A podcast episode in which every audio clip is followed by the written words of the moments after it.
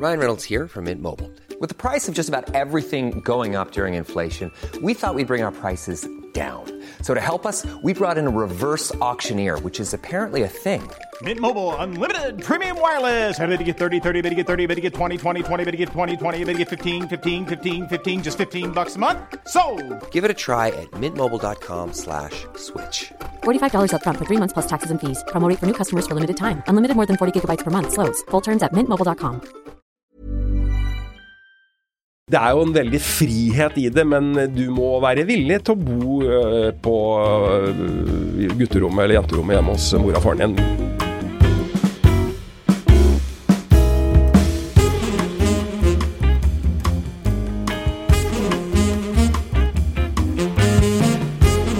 Dagens gjest har holdt på med kunst i mange tiår og er kjent for portretter og store verk som Kepler-stjernen på Gardermoen.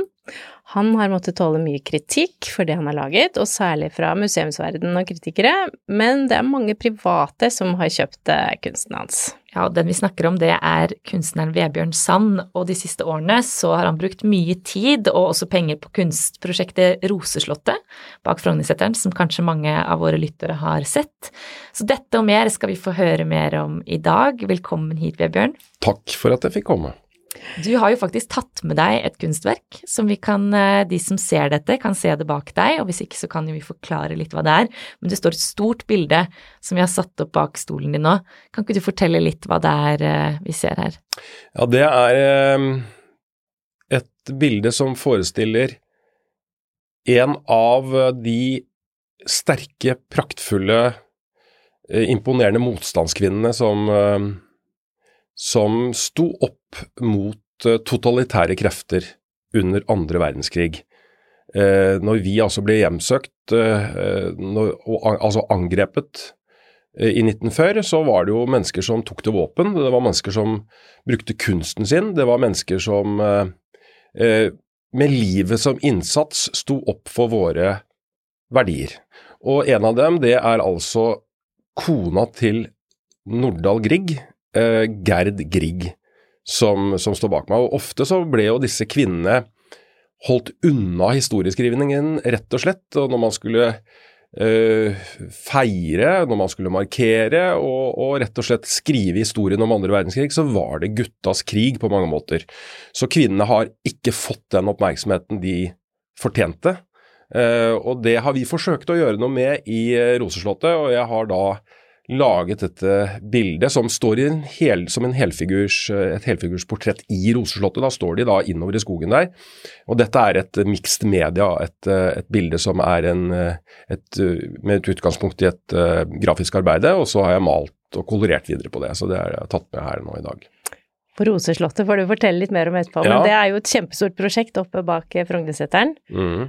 Så du, har du i dag tidlig nå vært og hentet det bildet som står bak der oppe i Roseslottet og tatt med ned, eller finnes det i flere, Nei, det, nei, flere dette, versjoner? det som står i Roseslottet er et uh, stort maleri. Ok, ja, riktig. Uh, som er malt på plastplater uh, med akryl og epoksy, så det tåler å stå ute i vær og vind. Ikke sant. så dette er jo trykk, så dette har jeg mm, fått laget uh, inne på et trygt, og trygt sted uten regn og, og vind, da, for, for å si det sånn. Så, så um, det er jo også spesielt med Roselotta at det er et stort utendørsprosjekt hvor man viser mo monumentale malerier og mange forskjellige kunstuttrykk, da, som broren min Eimen og jeg, vi er kunstneriske ledere for Roselotte. Så det, det har jo vi fått uh, oppmerksomhet for, både i Norge og utlandet, for nettopp akkurat det. At vi har gjort noe, kanskje no, noe som man ikke har kunnet oppleve før der oppe i Holmenkollen. Hva er Roseslottet? Det er jo mange som har besøkt det, men det er jo for lyttere som ikke kjenner til prosjektet. Kan du bare fortelle litt om det? Ja, for 25 år siden så sto det et isslott helt på toppen av Holmkollen. Da Frognerseter-trikken stopper, så er det, så er det sånn, nesten som et alter over byen. Så man står der, så ser man utover hele altså, hovedstaden vår, utover fjorden, og man kan se altså nesten til Sverige. Altså det er et fantastisk luftig sted. Og der eh, laget jeg for 25 år siden da et isslott inspirert av mine reiser til Antarktis. Det forvandlet seg til en stjerne. Jeg så disse ti tårnene doble seg og bli til Keplers stjerne. Og, eh, så, Som står på Gardermoen. Som står Ja. på Gardermoen. Så det var, det var jo et samarbeid mellom Christian Ringnes, Møllergruppen, øh, eiendomspar, og, og min gruppe, da, å lage For jeg fortalte Christian Ringnes Han hadde sett nemlig åpningen av dette islottet for 25 år siden, og så syntes han det var så like, vakkert og spektakulært om jeg ikke kunne lage noe like flott som kunne stå permanent på Gardermoen. Og så sa jeg akkurat sett at islottet ble til en stjerne. En sånn helt fri og lek med tanker og, og indre bilder. Og så sa han og jeg så for meg at den fløy utover Oslo, og kan jo bare fly mot Nesodden og snu og fly opp til Gardermoen, sa jeg. Så sa Christian Ringnes ja takk, jeg tar den, sa han. og, det der, og så ble det til et samarbeid med regjeringens arrangementsselskap øh, og Nobelinstituttet, og, og, og det ble tent av fredsprisvinner, og det ble den offisielle feiringen av nyttårsaften var der oppe. Og jeg har fått mange spørsmål siden 2020, altså nyttårsaften, det siste prosjektet der oppe, eh, om ikke det skulle skje noe nytt igjen på denne fantastiske tomta. Og mange hadde minner fra både Islottet, som ble besøkt av nesten 200 000, og også Keplerstjernen, som sto der og lyste før den fløy da til Gardermoen. Og så fikk min bror Eimin og jeg ideen om å lage et eh, stort, flott prosjekt da i, i forbindelse med markeringen at det var 80 år siden angrepet i 2020 og, og 75 år siden frigjøringen. Og da laget vi rett og slett noe som vokste ut av dette isslottet og stjernen. Eh, noe som også hvor Vi brukte altså geometri, altså matematikk man kan se. Synlig, matema, synlig matematikk, som er, man kaller tallet i rommet. da. Eh, og det ble disse fem søylene, ikke ti som isslottet hadde, men altså fem søyler som et symbol for hvert av krigsårene. Og de løfter også forskjellige sider ved motstandskampen frem, da, med sitt dekor. Krigsseileren og marinen. Fjellet, symbol på kamper i Nord-Norge. Også Kongebjerka som står i midten. Og så er det da hjemmefronten øh, og Luftforsvaret med en flyvinge. Og fjærpennen som danner den siste sammen med flyvingen.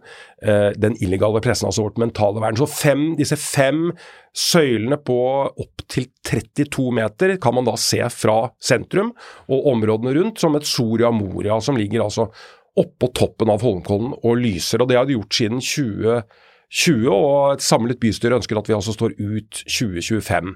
Og, og det er et, rett og slett et uh, gullslott. Uh, vi sier til barn uh, hva Rosenslottet er, så sier vi at det er et, det er et gullslott i skogen som løfter frem det fineste vi har som, som mennesker. det er, ved siden av at vi har livet selv, så er det friheten vår. Uh, og det motstandsfolk altså kjempet for uh, disse verdiene, det menneskesynet som, som, ligger i menneskerettighetene og manifesterer seg i menneskerettighetene fra 1948, altså artikkel 1, at alle er født frie inn i verden, og at vi alle har et iboende likt menneskeverd og iboende like eh, menneskerettigheter. Det er, det er, jo den standarden vi har som mennesker og kan forholde oss eh, til. Eh, og er det noen som går utover de grensene, som jeg sier til skoleklasser og grupper som vi tar opp i Roselottet, så skal dere ha en selvtillit som herfra til månen og stå opp for de verdiene. Om det er i ekteskapet dere senere, eller om det er på arbeidsplassene senere, eller i, på skolen eller i storsamfunnet.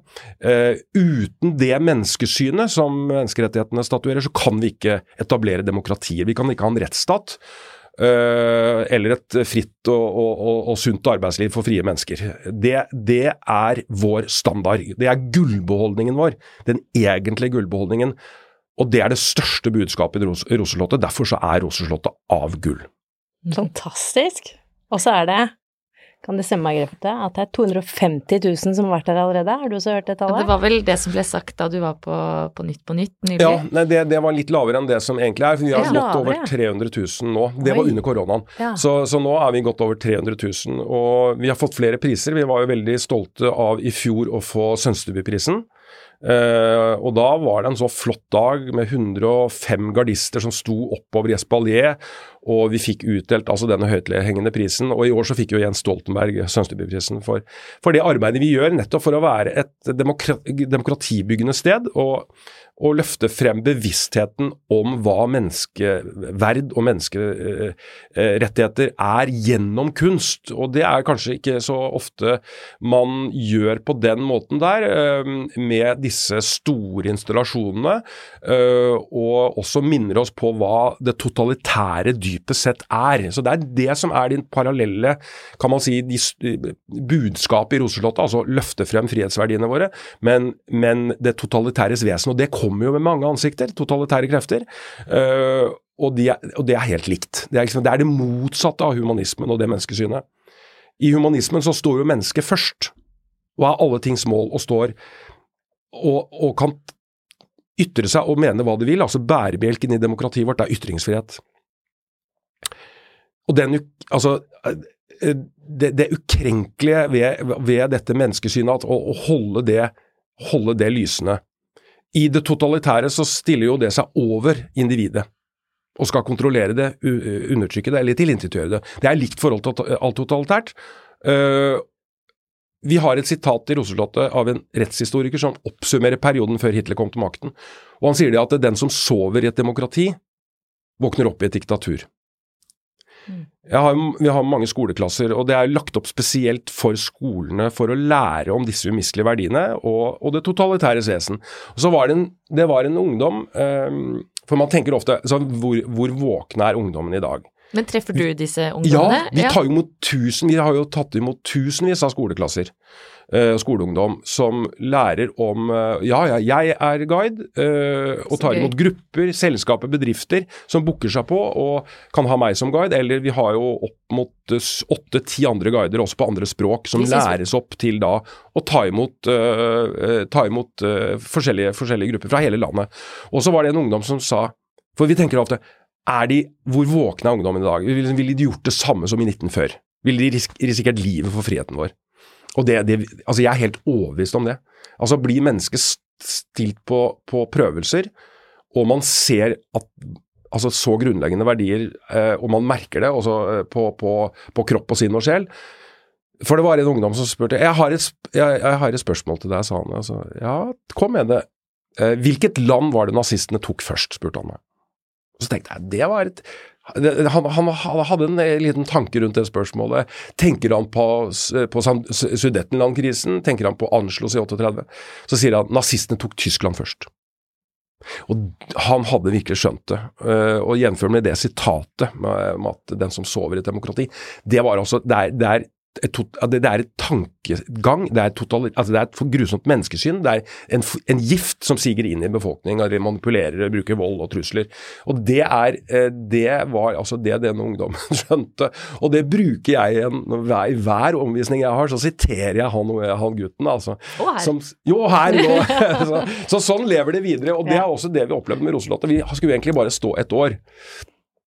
Og så ble det eh, vi merket det var under koronaen, og vi var kanskje det eneste nesten som fikk lov å holde åpen, for det var friluft der oppe. Så det kom jo Altså, folk kom og kom, og de, vi har jo ikke noe reklamebudsjett, for er, vi er en stiftelse, så vi, vi er noe, det er ikke noe penger som står bak oss.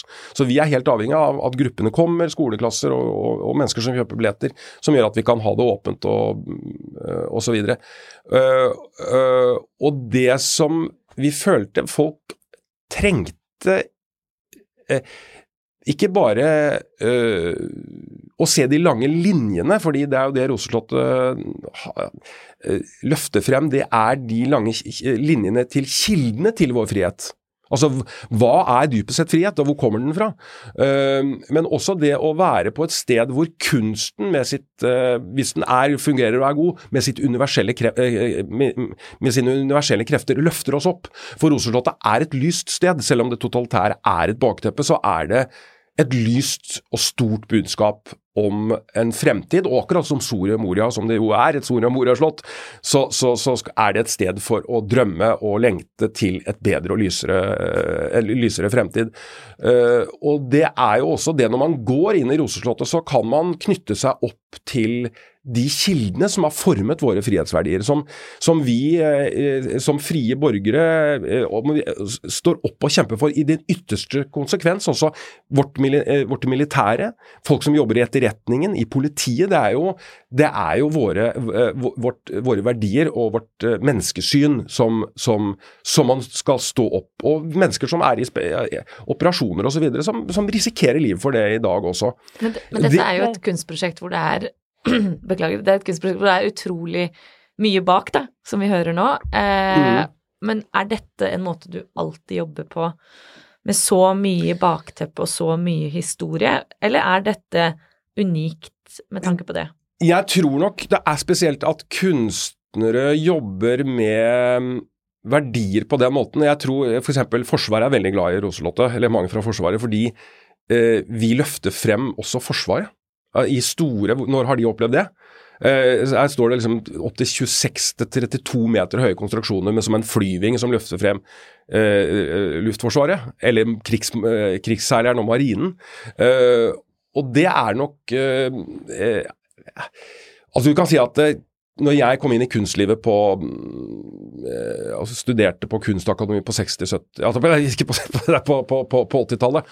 Eh, eh, så var det jo på en måte dette kunstlivet som siden 60-70-tallet eh, var, var blitt veldig Altså det, et radikalt kunstliv som var veldig altså influert av eh, modernismen, av eh, en del sånn oppløsende elementer. eh, og AKP-ML-erne styrte jo kunstinstitusjonene, og alle professorene, altså de fleste som jeg forholdt meg til, de var ikke opptatt av den klassiske dannelsen, de store linjene, antikken, renessansen, det som har formet oss som siviliserte, moderne mennesker. De var, liksom, det var mer et, et sted hvor man skulle gjøre opprør. Jeg skjønte ikke egentlig hva man skulle gjøre opprør mot, for jeg var så, så, så, så den, den tidsånden, veldig mye av modernismen, som, altså, den er jo et opprørsk eh, vesen i seg selv. Eh, jeg følte aldri noe kontakt med det, og jeg følte heller kontakt med antikkens eh, eh, altså kunstspråk, kunstspråk, som på en måte var jo utgangspunktet for å forme og inspirerte renessansen og senere. Det, det, det, det billedspråket som jeg jobber med, som er på en måte snakker med som det klassisk figurative. Og i det så ligger det jo en parallell erkjennelse av både og fremveksten av de- den kunsten og det kunstsynet jeg har. Eh, og også dannelsen av mennesket. Og det er også det Roseslottet fokuserer på i, eh, gjennom For dette er jo store temaer og, og, og, og ikke kompliserte, men hvis man gjennom kunsten klarer også å formidle det, så, så er det vidunderlige menneskesynet som ligger i humanismen. Og da må man tilbake til den greske antikken. Fordi det var jo grekerne som først gjorde de, de eh, forsøkene, altså først på å sprenge oss mennesker, menneskehet, ut av et mytologisk verdensbilde og inn i fornuften. Eh, for det, før det så liksom, vi levde vi under gudemakter og, og troll og riser og Tore Odin osv. Eh, og her, her oppe, men med, og olympene på, olymp, og gudene på, på Olympen. Men, men de greske tenkerne de gikk jo fra mytos til logos. Inn i fornuftens verden.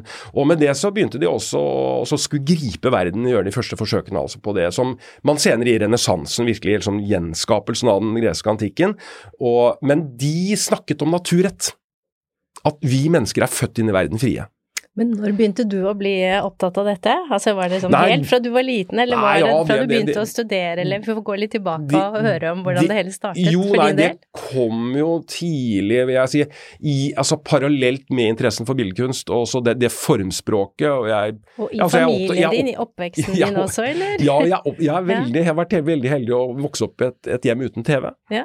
Og vi Ja. hadde På veldig Hvaler, var det det? eh, På, og i Bærum, på, på, på, på Steinerskolen Ja. på Grav. Eh, på, vokste også på 70-tallet. Ja. Eh, med veldig, veldig mange bøker. Mm. Eh, så, så, det å, så, det for unge mennesker å lese er veldig viktig. Mm. Og ikke se på TV. Eh, det, det tror jeg er, kan gi en eh, Altså et, utvikle et eh, indre eh, immunforsvar. Altså, vi, vi, vi har ikke bare et fysisk immunforsvar, men også et mentalt. Et intellektuelt, eh, sjelelig, men menneskelig. Altså kompleksiteten av det er jo er jo en generell dannelse, altså formingen av et menneske. Eh, men, men bare, bare for å ta det, dette vidunderlige med naturretten, fordi, fordi det er nettopp det Roseslottet handler om, å strekke de, de linjene til, til eh, nettopp det som grekerne snakket om for 2500 år siden, at vi er født frie inn i verden. Og de tankene, de inspirerte jo renessansehumanistene. Og hvordan også dette møtte kjærlighetsetikken, altså i kristendommen. Det var jo møtet mellom den greske og en kristen kultur. Og hvordan igjen det var med å forme eh, synet på individet. Og respekten for enkeltmennesket, og at vi er like. Eh, eh, hvordan naturretten, eh, spesielt også for, eh, forståelsen av rettsforståelsen, eh, og, og altså, renessansehumanistene, de, de det tankegodset det inspirerte jo opplysningstidens filosofer. Og hvordan, de, og hvordan, det igjen inspirerte den franske menneskerettighetserklæringen og før den amerikanske uavhengighetserklæringen. Og tenk på hvordan naturretten altså Hvilken eksplosjon det var for dem. Uh, uh, og det igjen var jo utgangspunktet for vår grunnlov. Så det er liksom det Roselotta handler om, er jo den linjen fra rett og slett fra Aten til Eidsvoll. Uh, og det vi roper hurra og gratulerer ja, ja, men altså, det, er en, det, er en, det er kan man si, et veldig flott ord. En dannelsesreise. Så det er det største budskapet. Det er å løfte frem det menneskesynet som er under sånn press i dag. Og I, i, i Roselotte så, så, er det jo mange tidsvitner man møter. Vi har jo fått over 50 nye venner på rundt 100 år eh, siden 2018 som jeg reiser rundt og møter, altså eh, som, som sto opp for disse verdiene. Uh, og uh, også grep til våpen for å, for å kjempe for disse verdiene. Uh, og mange av de har jo ca. 80% av de som man går, når man går inn i Roselottet og møter, de har jo gått bort siden 2018. Og Bare nå i vinter så gikk jo flere vekk. En av de, eh, Eistein Røseth, som ble 100, ville blitt 104 år den 29.-28. desember. Han døde lille julaften. Han var da den siste som var med under kampen i Narvik eh, under general Fleischer. Eh, så, så jeg har også møtt Eh, var i Ukraina i 2020 og møtte en som var krigsfange i Norge. Uh, ble 98 år. Uh, så de, de, de, var utrolig seige. Han overlevde først Stalingrad, så var det altså krigsfangenskap i Norge, og syv år i Stalins gulag. Um, uh, og, altså, og, reist rundt inn, inn, i hele Norge, nord, syd, øst, vest, og møtt disse altså noen bautaer av noen mennesker, og, og, og, spesielt er det med fokus altså på kvinnene. Så, så vi reiser stadig rundt og, mø, og møter da nye vitner som skal stilles ut i parken kontinuerlig, frem da til 20 20, så du, så du nei, 2025. så du lager noen nye arbeider ja, ja, ja, hele tiden. Så det er bare Men jobber du bare med Roseslottet nå, eller er det også andre kunstprosjekter? Det som, eh, ja, det som er mitt store prosjekt nå, det er å betale gjelda mi for å bygge Roseslottet. Så, så, jeg reiser rundt uh, i uh, Norge sammen med broren min Aune. har dere tatt opp mye har, lån, eller? Hva? Har dere tatt opp mye lån? Jeg har tatt opp lån, ja. Uh, og, og um, har jo jobbet i syv år med å reise rundt over, over 100 steder steder, og det har liksom vært en av altså hovedkildene til kapital, og så, så rett og slett selge kunst. Og selge kunst, ja. ja og også mm. i Roselottet, så alt det er der oppe er for salg. Så ja. uten det så hadde ikke det fungert. Også de store installasjonene ja. er jo er Har dere jo, solgt noe da? Ja, ja, altså ellers hadde ikke, det, det, ellers hadde ikke Roselottet blitt, blitt. Eh, bygd. Det er jo veldig dyrt. Det er det dyreste prosjektet jeg har. Hvor mye har du brukt på det, da? Kan vi spørre om Nei, altså jeg, jo, altså jeg, har, altså jeg har brukt alt jeg har, rett og slett. Jeg solgte eiendommen min i New York og investerte mm. det som grunnkapital i Roselottet, pluss at et inntekt fra turneen. Så det, det er um, Kostbart, høres det ut som. Det er veldig dyrt, ja. ja. Roselottet har jo altså, totalt sett en prislapp på 50 millioner. Ja. Uh, og mm, så, så men, vi, men, vi, er jo en stiftelse, og det er ingen som tjener penger på, på, på Roselottet. Mm. Så det er jo et, rett og slett for, um, for, meg, for min min del et gjennomgående altruistisk prosjekt. Ja. Uh, uh, og det har jo egentlig alle de prosjektene jeg har stått bak. Det, fordi det er klart det er mye smerte forbundet med å gjøre sånt. Liksom å gå inn med alt du har. Du har ikke noe sikkerhetsnett. Mm. Men jeg har hatt en veldig sånn god, altså en trygghet på at det, at, det gå, at det, skal gå, greit, og det har de alle. Det har gått egentlig veldig bra. Uh, alle prosjektene har gått, og jeg har fått tilbake kapital og kunne gå inn i nye ting da. Mm. Så sånn har jeg på en måte jobbet i eh, Ja, egentlig siden 93. Eh, er det sånn det, Ja, for ja, vi må høre, vi må gå litt tilbake om Ja, hva ja, skjedde i 93? Nei, det begynte med at jeg ble jeg var så heldig å bli invitert med til Antarktis eh, på Ivar Tollefsens ekspedisjoner. og Jeg har Ja. vært med han Store eiendomskongen. ja, jeg har vært Ja. med han tre, på tre turer, og også andre turer. Så, um, så det var av Ivar jeg lærte egentlig hvordan man skal skaffe kapital til rare prosjekter. Ja, oi, Så- det er morsomt. ja, For han hadde jo drevet med veldig mye rart Ja, han hadde jobbet veldig mye rart. Så altså, Ivar er et ja. eventyr av et menneske. Og, og han har åpnet også, ikke bare for at jeg kunne fått reise inn i Antarktis eh, og i Dronning Maud-land og liksom på og, og hadde jo nesten det for meg selv som et uh, landskap som maler, og, og, og mye av det jeg har gjort, også prosjektene, er jo vokst ut av uh, Antarktis. Eh, Den første kan man si formen til isslottet, den var jo inspirert av et fjell i Antarktis som het Arnesteinen. Um, når jeg kom hjem, så var jo, fikk jeg jo da behov for å gjenskape Antarktis i, et større format enn ikke bare å male bilder, og tok kontakt da med Bent Bårdsson og fikk egentlig overtatt hele teamet han brukte på åpningsseremonien under lekene på Lillehammer. Og Gerhard Heiberg ble mentor med på dette isslottet som, som Hadde Ivar Tollefsen lært deg at du skulle gjøre det sånn? Eller hva, Nei, eller hva var på en måte det- det- tipset det- hans? det- det kan du si. Det Hva var tipset hans? Det var litt er nysgjerrig på. Nei, det var rett og slett hvordan eh, jeg skulle skaffe kapital. Ja, hvordan skulle du Altså, gjøre det da? det er, og, Ja. så, sånn som vi gjorde det den gangen, var at vi laget kunstmapper, Mm. kalendere, vi laget foredrag, uh, vi laget altså bøker, vi reiste rundt, turnerte og gjorde avtaler med bedriftene så når vi hadde de inn, og med logoer på jakka og alt mulig. Så det ble et slags, de følte et slags eierskap til, altså Ja. at de ble med på det. Det og vi satt og signerte masse veggen, bøker til ja. dem også. Så det, totalt så laget vi liksom sånne pakker Ja. eh, for å få opp dette til å gå økonomisk. Og det, og det, og det, og det, og det gikk. Det var veldig dyre ekspedisjoner. Ja. Og, og da var liksom den hvordan man kunne bruke kunsten til å på en måte få skaffe den kapitalen med å lage disse avtalene, eh, som, eh, som vi også har gjort eh, som vi også nå gjør, har gjort i Roseslottet. En slags barteravtaler. Ja, ja.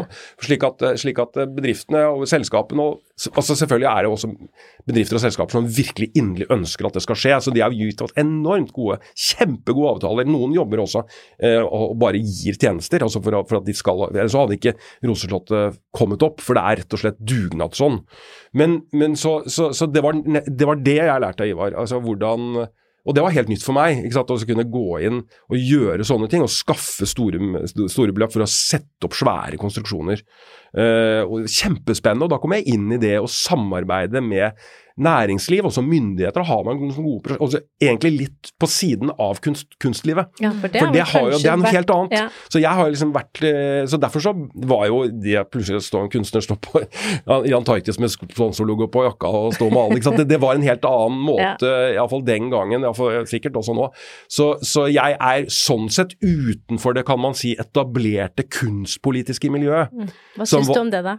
Nei, jeg har eh, mm, Det er klart at det, det er veldig mye penger som, som kunstnerne, eller kunstorganisasjonene, altså det som kalles eh, NBK, for kunstnerne organiserte seg jo på eh, eh, slutten av 60-, begynnelsen av 70-tallet og fikk forhandlingsrett med staten, og forvaltet da store summer inn til kunstlivet igjen.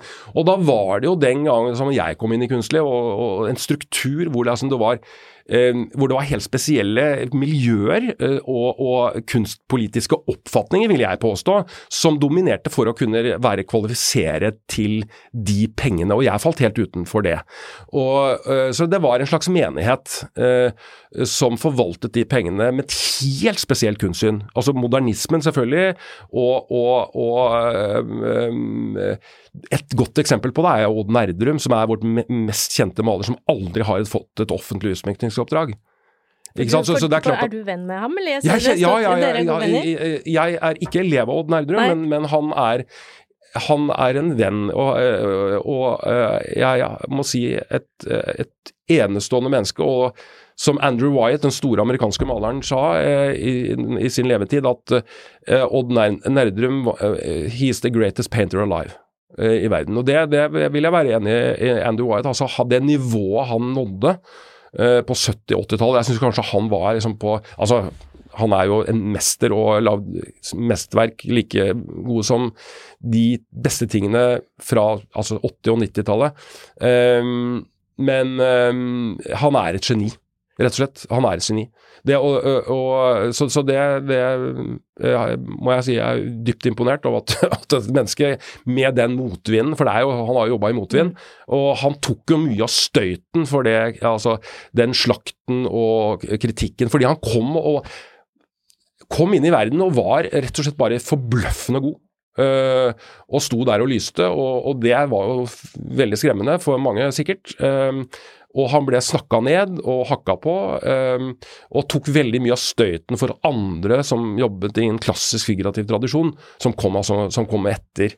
Um, Men tenker du at du har jobbet imot vi nå, eller hvordan ser du tilbake på din egen ja, jeg har jo aldri fått et offentlig utsmykningsoppdrag. Frem til nå har jeg mm. faktisk fått det.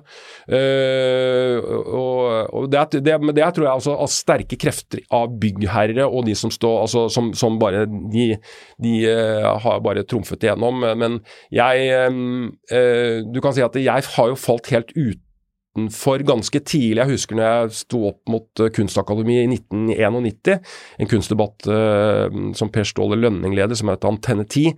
Og da sa jeg faktisk, og det mente jeg, at ingen av professorene på Kunstakademi kan tegne en hånd. Og, det, og da gikk jo billedkunstnernes formann ut og sa at etter det så skal jeg bli TTL.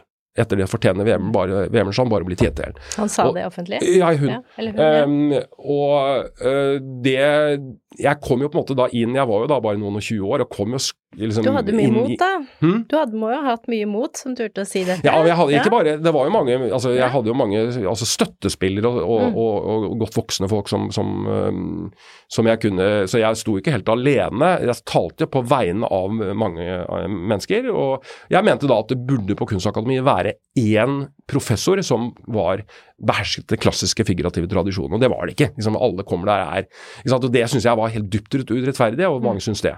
Um, Men du ble ikke demotivert til å fortsette? Eh, nei, altså da var jeg akkurat ferdig og ja. bare tok eh, så ga en dom. og, men, jeg, eh, altså, men, jeg, dro jo da etter, etter, det ut, for jeg hadde huller i min klassiske figurative utdannelse. Så, så jeg dro til New York og tok etterutdannelsen mm. i det jeg manglet da, for å måte, komme opp på det nivået jeg trengte for f.eks. å lage Roseslottet og male bildene der og, og jobbe med Hvor lenge var du i, i, New York da? Jeg var 17 år i New York. Ja. Og for du drev jo galleri både ja, der ja, og i Nils Juels gate, hvis jeg husker riktig? Ja, det var flere galleri. Du kan si at det er også en eh, Det å drive kunstlivet selv, fordi liksom man ja, opplever Hvordan er det? Det må nei, du fortelle litt om. Ja, det er jo det er jo en, eh, et resultat av hvordan vi, liksom, hvordan vi på Hvaler Min far er jo, er jo maler. og på begynnelsen av 80-tallet så leide vi sjøbuer ute i Utgårdskilen eh, og bygde de om til utstillingslokal hver pinse i ti år. Og da, Det var liksom ikke noe terskel, så folk, alle, mulige, mulige, mennesker kunne komme inn der. Og så begynte vi å selge litt bilder. Som pop-up-galleri? Eh, ja, rett og slett et ja. pop-up-galleri. Mm. Rett og slett, ja. Og så, og så, så, Det har bare egentlig vært sånn vi har levd. Ja. og og, og lage gallerier fra bunnen av, og, og, blitt eh, vel gode nok på det til at det har fungert. Og så, og så fikk vi også for, for oss det da og, i New York å lage det da et eh, veldig stort, flott galleri ble det, og en skremmende husleie. Men det gikk utrolig bra, altså, og vi klarte å komme oss men du eh, sier vi, for det var sånn ja, det, Min bror er Aune, ja, og hans uh, kone Marianne. Marianne ja. så, så, vi laget jo Vi hadde jo det i ti år, da. Ja. Men hvordan, det, hvordan, klarer man å bygge seg opp da som et galleri i New York? Det virker veldig vanskelig. Det er som vanskelig. å gå i krigen hver dag. Det er ekstremt vanskelig. Og du kan si at det, det var jo en eh, Både for meg faglig å være der borte og jobbe i det som jeg opplever kanskje det beste og mest utfordrende miljøet i verden innenfor min disiplin, da, som er liksom det klassisk figurative. Um, så så dro jo det meg opp ikke sant? Jeg hadde jo, fikk jo lærere som altså Folk som innenfor kunst, anatomi osv. Som, som jeg bare hadde lest, og beundret, eh, lest om og beundret, og som ble mine venner. Så det er klart at det, det var jo og, Men da også prøve seg som eh, med, med galleri, da. Det var jo en Å sette priser, hvordan setter man pris på sin egen kunst? Det, nei, det er ikke noe komplisert. Det er markedet okay. som setter prisene. Jeg skjønner jo det, men du må jo ha litt feeling. nei, det er jo bare altså, okay. det, er, det, er, markedet som ja. setter, så det, så det er ikke det, det, det blir justert hvis okay. du ikke hvis det er ja. det, Men du må jo prøve deg et eller annet sted? Ja, jeg begynte jo ikke sant? Jeg begynte jo først øh, i øh, Jeg kom til Oslo i 87, 86-87. Og så var jo Kunsthuset min gallerist, øh, og hadde Mm. Med flere Bjørn Lie. Bjørn Lie ja. Og, og Kjell Venstad og sånn, Ja, og de hadde og jo det. Sørli flere ja. store utstillinger hadde der. De og har jo da på jobbet med Neidrum og ja, ja, ja? Så det var jo Så sånn de, de var jo et veldig dominerende galleri mm. på, på 80-tallet og 90-tallet. Mm. Uh, og hadde jo denne prisindeksboken Ja. og så videre. Så de, det, da, da kom jeg på en måte inn i, i kunstlivet på, på det prisnivået man skulle være. Og, og så, har, så har det på en måte steget. Og jeg fikk jo eventyrlige priser i USA. Som, Ja, eh, vi, som ikke, også vi, vi jobber jo i, med litt med penger Ja, ja, ja, ja, ja, ja. så vi må få litt tall på bordet. Ja, ja, ja. Nei, altså du kan si at det, det, da kan man heller snakke med andre som jobber med tall, og så jobber med den delen av kunstlivet. Fordi det, det, det, det, det, er, det, er liksom, det er ofte så Når jeg møter folk som jobber med næringsliv, så, så er det spørsmålet på priser og Mm. om jeg selger bilder og ikke sant. Og det, og det, Så sier jeg det kan dere snakke med gallerister og de som jobber med det, fordi min Altså, det, det, det er klart at eh, jeg som jobber med kulturliv eller åndsliv, jobber ikke med næringsliv. Mm. Men det er jo er naturligvis en del av det, men en del av å forvalte det. Ja, ja, det er en Mm. del av det. Men, men, men mitt hovedfokus for å, for å gå inn i kunsten Ja, er ikke næringslivet. Eh, men det er en veldig Mm. viktig del av det for at det skal fungere og gå og så videre. Så med all respekt for det. Men, men ehm, jeg, for, for noen så er det kanskje vanskelig å forstå at vi, når vi lager bilder, så er ikke det med tanke på å selge bilder. Neida. Men det forstår ikke men, Og da kan jeg tenke deg liksom ja, Vi har jo bilde av eh, Gerd Grieg bak her. Eksempel når Nordahl Grieg skrev til ungdommen, så tenkte jo ikke han på å skrive det for at han skulle tjene penger på det. Nei. Han tenkte jo han, han gjorde det fordi han bare måtte, eller det kom fra han, det kom ut av han, eller Eh, når en, eh, så, sånn er det jo også med en maler. Når eh, Edvard Munch malte 'Skriket', så tenkte ikke han man skulle, skulle male det 'Skriket' for han skulle tjene penger. For, det. for, hva- for folk så på det som noe galt. Det var helt vilt. Det var, det var i hvert fall det dårligste oddet. Eh, Hva koster odds. verkene på Roseslottet eksempel, som er til salgs? De, eh, av de store verkene, Mm. de eh, Altså, jeg, må, jeg maler jo monumentale ting der oppe. Altså, Ja. Det er fire ganger tre meter, og hvert av de koster 1,5. Ja. Eh, Det og så er og min det- og det og det, det, det koster i det, det er i fullformat, og det, er to meter høyt og 1,10 bredt. Så det møter mennesket menneske én til én, og det, Ja. uh, det koster 850 000. Ja, men, men det verket du har tatt med her Det er et kost- mixed media, Ja, det koster 45 000. 45. Pluss BKH-avgift, Ja. da. Så det er 5 Og det finnes, finnes det i flere versjoner? Det du har tatt med her? Det fins foreløpig bare ett eksemplar, så det er prøvetrykk. Ja, Så, er så får jeg bare jobber jobbe med Mm. for å teste ut uh, forskjellige virkninger, og Ja. hvor, mye, hvor mye jeg skal For jeg maler oppå hvert trykk. Ja. Hvor mye jeg skal male på det, og hvor mye jeg skal kolorere, og hvor mye ty- altså, og Du trykktekniske tar en ting og, og ja. Så det er en liten premiere på det verket Ja, her rett og i slett, dag. det, det er det faktisk ingen som har Ja. sett før. Fordi jeg, skal, jeg, skal ha, jeg skal ha det på en visning i, på torsdag. Ja, det er veldig spennende. og- ja, veldig spennende. Så da Ja, skal du ha en Eller hva slags visning da? Eller kan du fortelle? Ja, det er for et Ja. advokatkontor. Spennende. Ja. ja. Hiring for your small business? If you're not looking for professionals on LinkedIn, you're looking in the wrong place. That's like looking for your car keys in a fish tank. LinkedIn helps you hire professionals you can't find anywhere else, even those who aren't actively searching for a new job but might be open to the perfect role. In a given month, over 70% of LinkedIn users don't even visit other leading job sites. So start looking in the right place. With LinkedIn, you can hire professionals like a professional. Post your free job on linkedin.com/people slash people today. There's never been a faster or easier way to start your weight loss journey than with PlushCare. PlushCare accepts most insurance plans and gives you online access to board-certified physicians who can prescribe FDA-approved weight loss medications like Wigovi and Zepbound for those who qualify. Take charge of your health and speak with a board-certified physician about a weight loss plan that's right for you.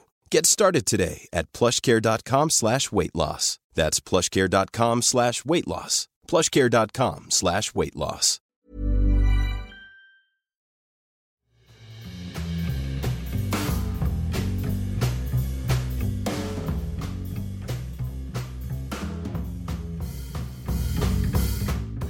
Men hvem er de typiske kjøperne dine av kunsten? Er det, noe, er det alt mulig, eller er det noen spesielle mennesker som Du, det er alt fra mm, altså store samlere, som iallfall de viktigste den, ja, I USA er iallfall én en veldig stor samler der, eh, som heter Raymond Learsey, som kjøpte tre av mine hovedverk til sitt museum i Connecticut. Så um, um, Det er alt fra kunstelskere som har anledning til å kjøpe store, dyre ting. Eh, eh, det er klart at eh, jeg har jo vært i kunstmarkedet både i Norge og utlandet i mange år, så jeg, er jo dyr. Og jeg har også, når vi reiser rundt, Aune og jeg, med pop-up, så har vi mindre trykk og Ehm, også selger jeg selger også vanlige plakat, innrammede plakater. Så liksom det er, det er, og sånn sett har jo jeg vært helt avhengig av å kunne ha liksom et, akkurat som et forlagshus. Har, har liksom forskjellige utgivelser og mm, for å kunne finansiere liksom en stor nyutgivelse av Dostojevskij, så trenger man å selge kokebøker, eller Så jeg, jeg, har, jeg har jo også eh, rimeligere Altså alle prisklasser og egentlig alle jeg, jeg er nesten sånn schizofren som maler. Altså jeg liker å male i mange forskjellige uttrykk også. Jeg maler jo veldig tunge, dystre temaer og tunge temaer. Som alt fra holocaust til uh, krigsfanger og Men jeg er jo veldig glad i også å male noe som er lyst og lett, uh, som uh, pingviner i Antarktis og, og, og, og og bamser på Svalbard. Eh, så, så, og helheten av at jeg har et så stort til, altså et repertoar da, å spille på. Akkurat som egentlig en skuespiller også, at du kan spille tunge scener samtidig som du kan gjøre noe eh, hvis reklame, hvis det er, ikke sant? Men at, at, at du står for det, at det er faglig godt, um, så kan det ene finansiere det andre. Og jeg har vært helt avhengig av det for å kunne lage et prosjekt som Roseslottet, så har jeg vært helt avhengig av også kunne selge innramma plakater og av pingviner i solnedgang på Antarktis. Men, men er det noe du også anbefaler til andre kunstnere som vil eh, klare å leve av det, da? At man Ja. må gjøre ja. litt av alt? Ja, ja, ja. ja. Du kan si eh, Markedet, hvis man tenker sånn sett, er eh, bare eh, enkelt og greit. Eh, er ting bra, så, så at, du, at, du, at du streber etter å holde selvfølgelig den høyeste kvalitet du kan levere på. Uansett hva du gjør. Nå er det ikke, altså selvfølgelig når du kjøper markedet, altså nå er jo markedet, det vet vi også, det er jo mye rart og rør og dårlig kvalitet i markedet også, men, men iallfall for en som kunstner øh, å gå inn i den verden der, for det er øh, veldig, veldig vanskelig å klare seg som kunstner, for å si det rett ut. Og veldig få gjør det. Og jeg er veldig heldig, men, men jeg sier til øh, kunstnere som, eller som ønsker å bli kunstnere, altså eh, hvis du kan la være, så gjør det. Ok, du mener det? Ja. Men hvis du ikke kan la være, Ja. hvis du bare våkner om morgenen, altså, jeg bare Smerten ved å ikke bli det er større enn å bli det, for å si det sånn. For det er mye smerte. Det er med alle, ikke sant. Det er jo med alle yrker og alle liv. Vi lever jo et liv på jorden her i en, en periode, og så er vi et eller annet annet sted. Eller, ikke sant? Så, så det er jo en eksistensiell ting. ikke sant. Eh, men som jeg sier litt spøkefullt, eh, vi har jo mange andre fordeler. Vi kan ligge så lenge vi vil om morgenen. og vi kan, altså, altså vi, Det er jo en veldig frihet i det, men du må være villig til å bo eh, på gutterommet eller jenterommet hjemme hos mora og faren din. Det- Ja, hvor for- bor du nå, da? For, eh, Nei, nå bor jeg veldig, jeg bor veldig eh, greit og fint til ute i Sørkedalen. Jeg bor uh, på en slags hybelhus uh, til, tilknyttet en fabrikk som jeg fikk leie for å bygge mye av de tingene, eller male tingene som skulle til til, til mm, Roseslottet. Men jeg, jeg, for meg så er det å gå inn i verden som kunstner, det å ta det valget, er litt sånn som når man velger å bli en lege eller en prest. Eller Det er et kall, da. Det, ja, det Ja. er noe som For vi er til stede i yttergrensen av livet. Der smerten er, der sorgen er, der gleden er. Og det vi skriver av dikt og sanger og maler, det kan bety, og ofte bety veldig mye for mennesker i sårbare situasjoner, i, kan, gi dem, kan gi mennesker håp og styrke, løfte oss opp og, og være trøstende.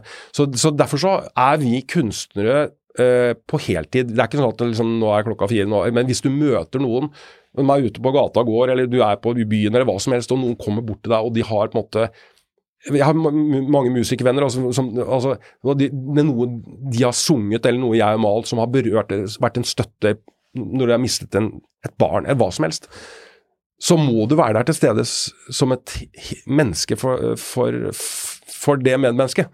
Mm. Så, så, så, det, så det, det, å være kunstner er ikke et sånt yrke. altså sånn eh, kulturarbeider nå er liksom vi skal ha liksom lik lønn på liksom, det, det, er, det, er, det, er, fremmed for meg å tenke sånn. Det, er en, det er en livsoppgave, det er et valg, og det er helt fritt. Uh, og man er kunstner uh, eh, 24 timer i døgnet uh, og må være der. For vi, er, vi, må være der. Mm. Ja. Men hvorfor reiste du hjem da fra New York? Ja, det var litt, litt Eh, med det å være der. Fordi eh, jeg kom jo hjem i, til, til, til jul 2016. Og så var jeg så heldig, var jeg så heldig og brakk beinet mitt på julaften. Og um, da var det det å dra tilbake da med Når man lever i, med de helse, fantastiske helsetilbudene som Eller i, I forhold til ja. å dra tilbake dit med Jeg hadde to brudd og litt komplikasjoner, eller hva det var.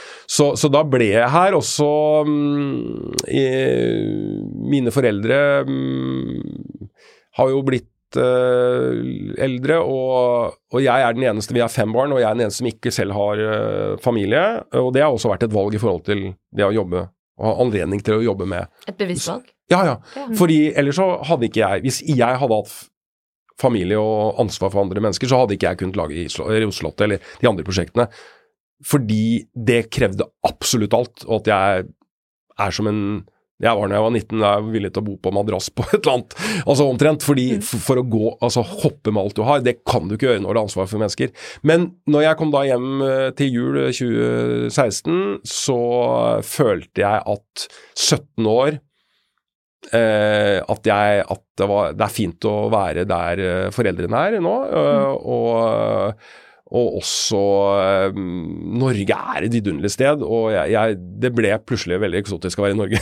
så litt tilfeldigheter og litt familie? Ja, det ble det. Ble. Så, ja. så, så, så, kan man si at livet selv møtte meg, og gjorde at jeg justerte meg, justerte meg i forhold til det brukte ordet vidunderlig. Det er sånn jeg assosierer veldig med tvillingbroren din. Ja, ja, ja. ja, ja. ja nei, vi ja, For dere eh, har inntrykk av veldig tette? Ja, vi jobber veldig tett sammen. Og han er jo blitt en veldig morsom uh, entertainer. Uh, ja, med Alex det var jo egentlig, ja, ja, han, han, han, var ikke så morsom før han ble så morsom, holdt jeg på å si. Men, men han, har blitt, han, det, det, han, har blitt morsommere og morsommere. Okay. Ja, og, og, og, blitt en Og du da? Ja, jeg, jeg, jeg er Jo, nei, jeg, ja, jeg, jeg har Humor, det, ikke sant. Det, når man har blitt noen år, ja så setter man mer og mer pris på humor hos eh, sine medmennesker. Og de man velger å, å, å være sammen med, rett og slett. Og at, at uh, livsmot og humor, uh, det henger sammen. Og uh, at det er en veldig, veldig viktig kvalitet, rett og slett, for å klare seg. Det er det.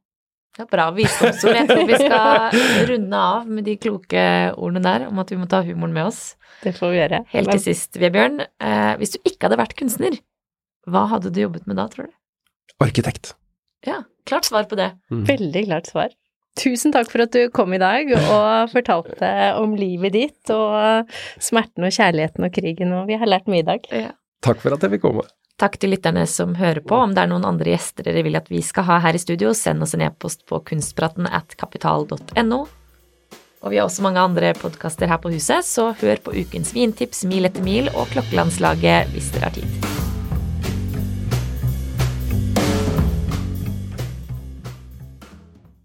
Kunstpraten er en podkast fra Finansavisen. Programleder er Margrethe Hegnar og Kari Nestås. Produsent er Lars Brenden Skram. Og ansvarlig redaktør er Trygve Hegnar.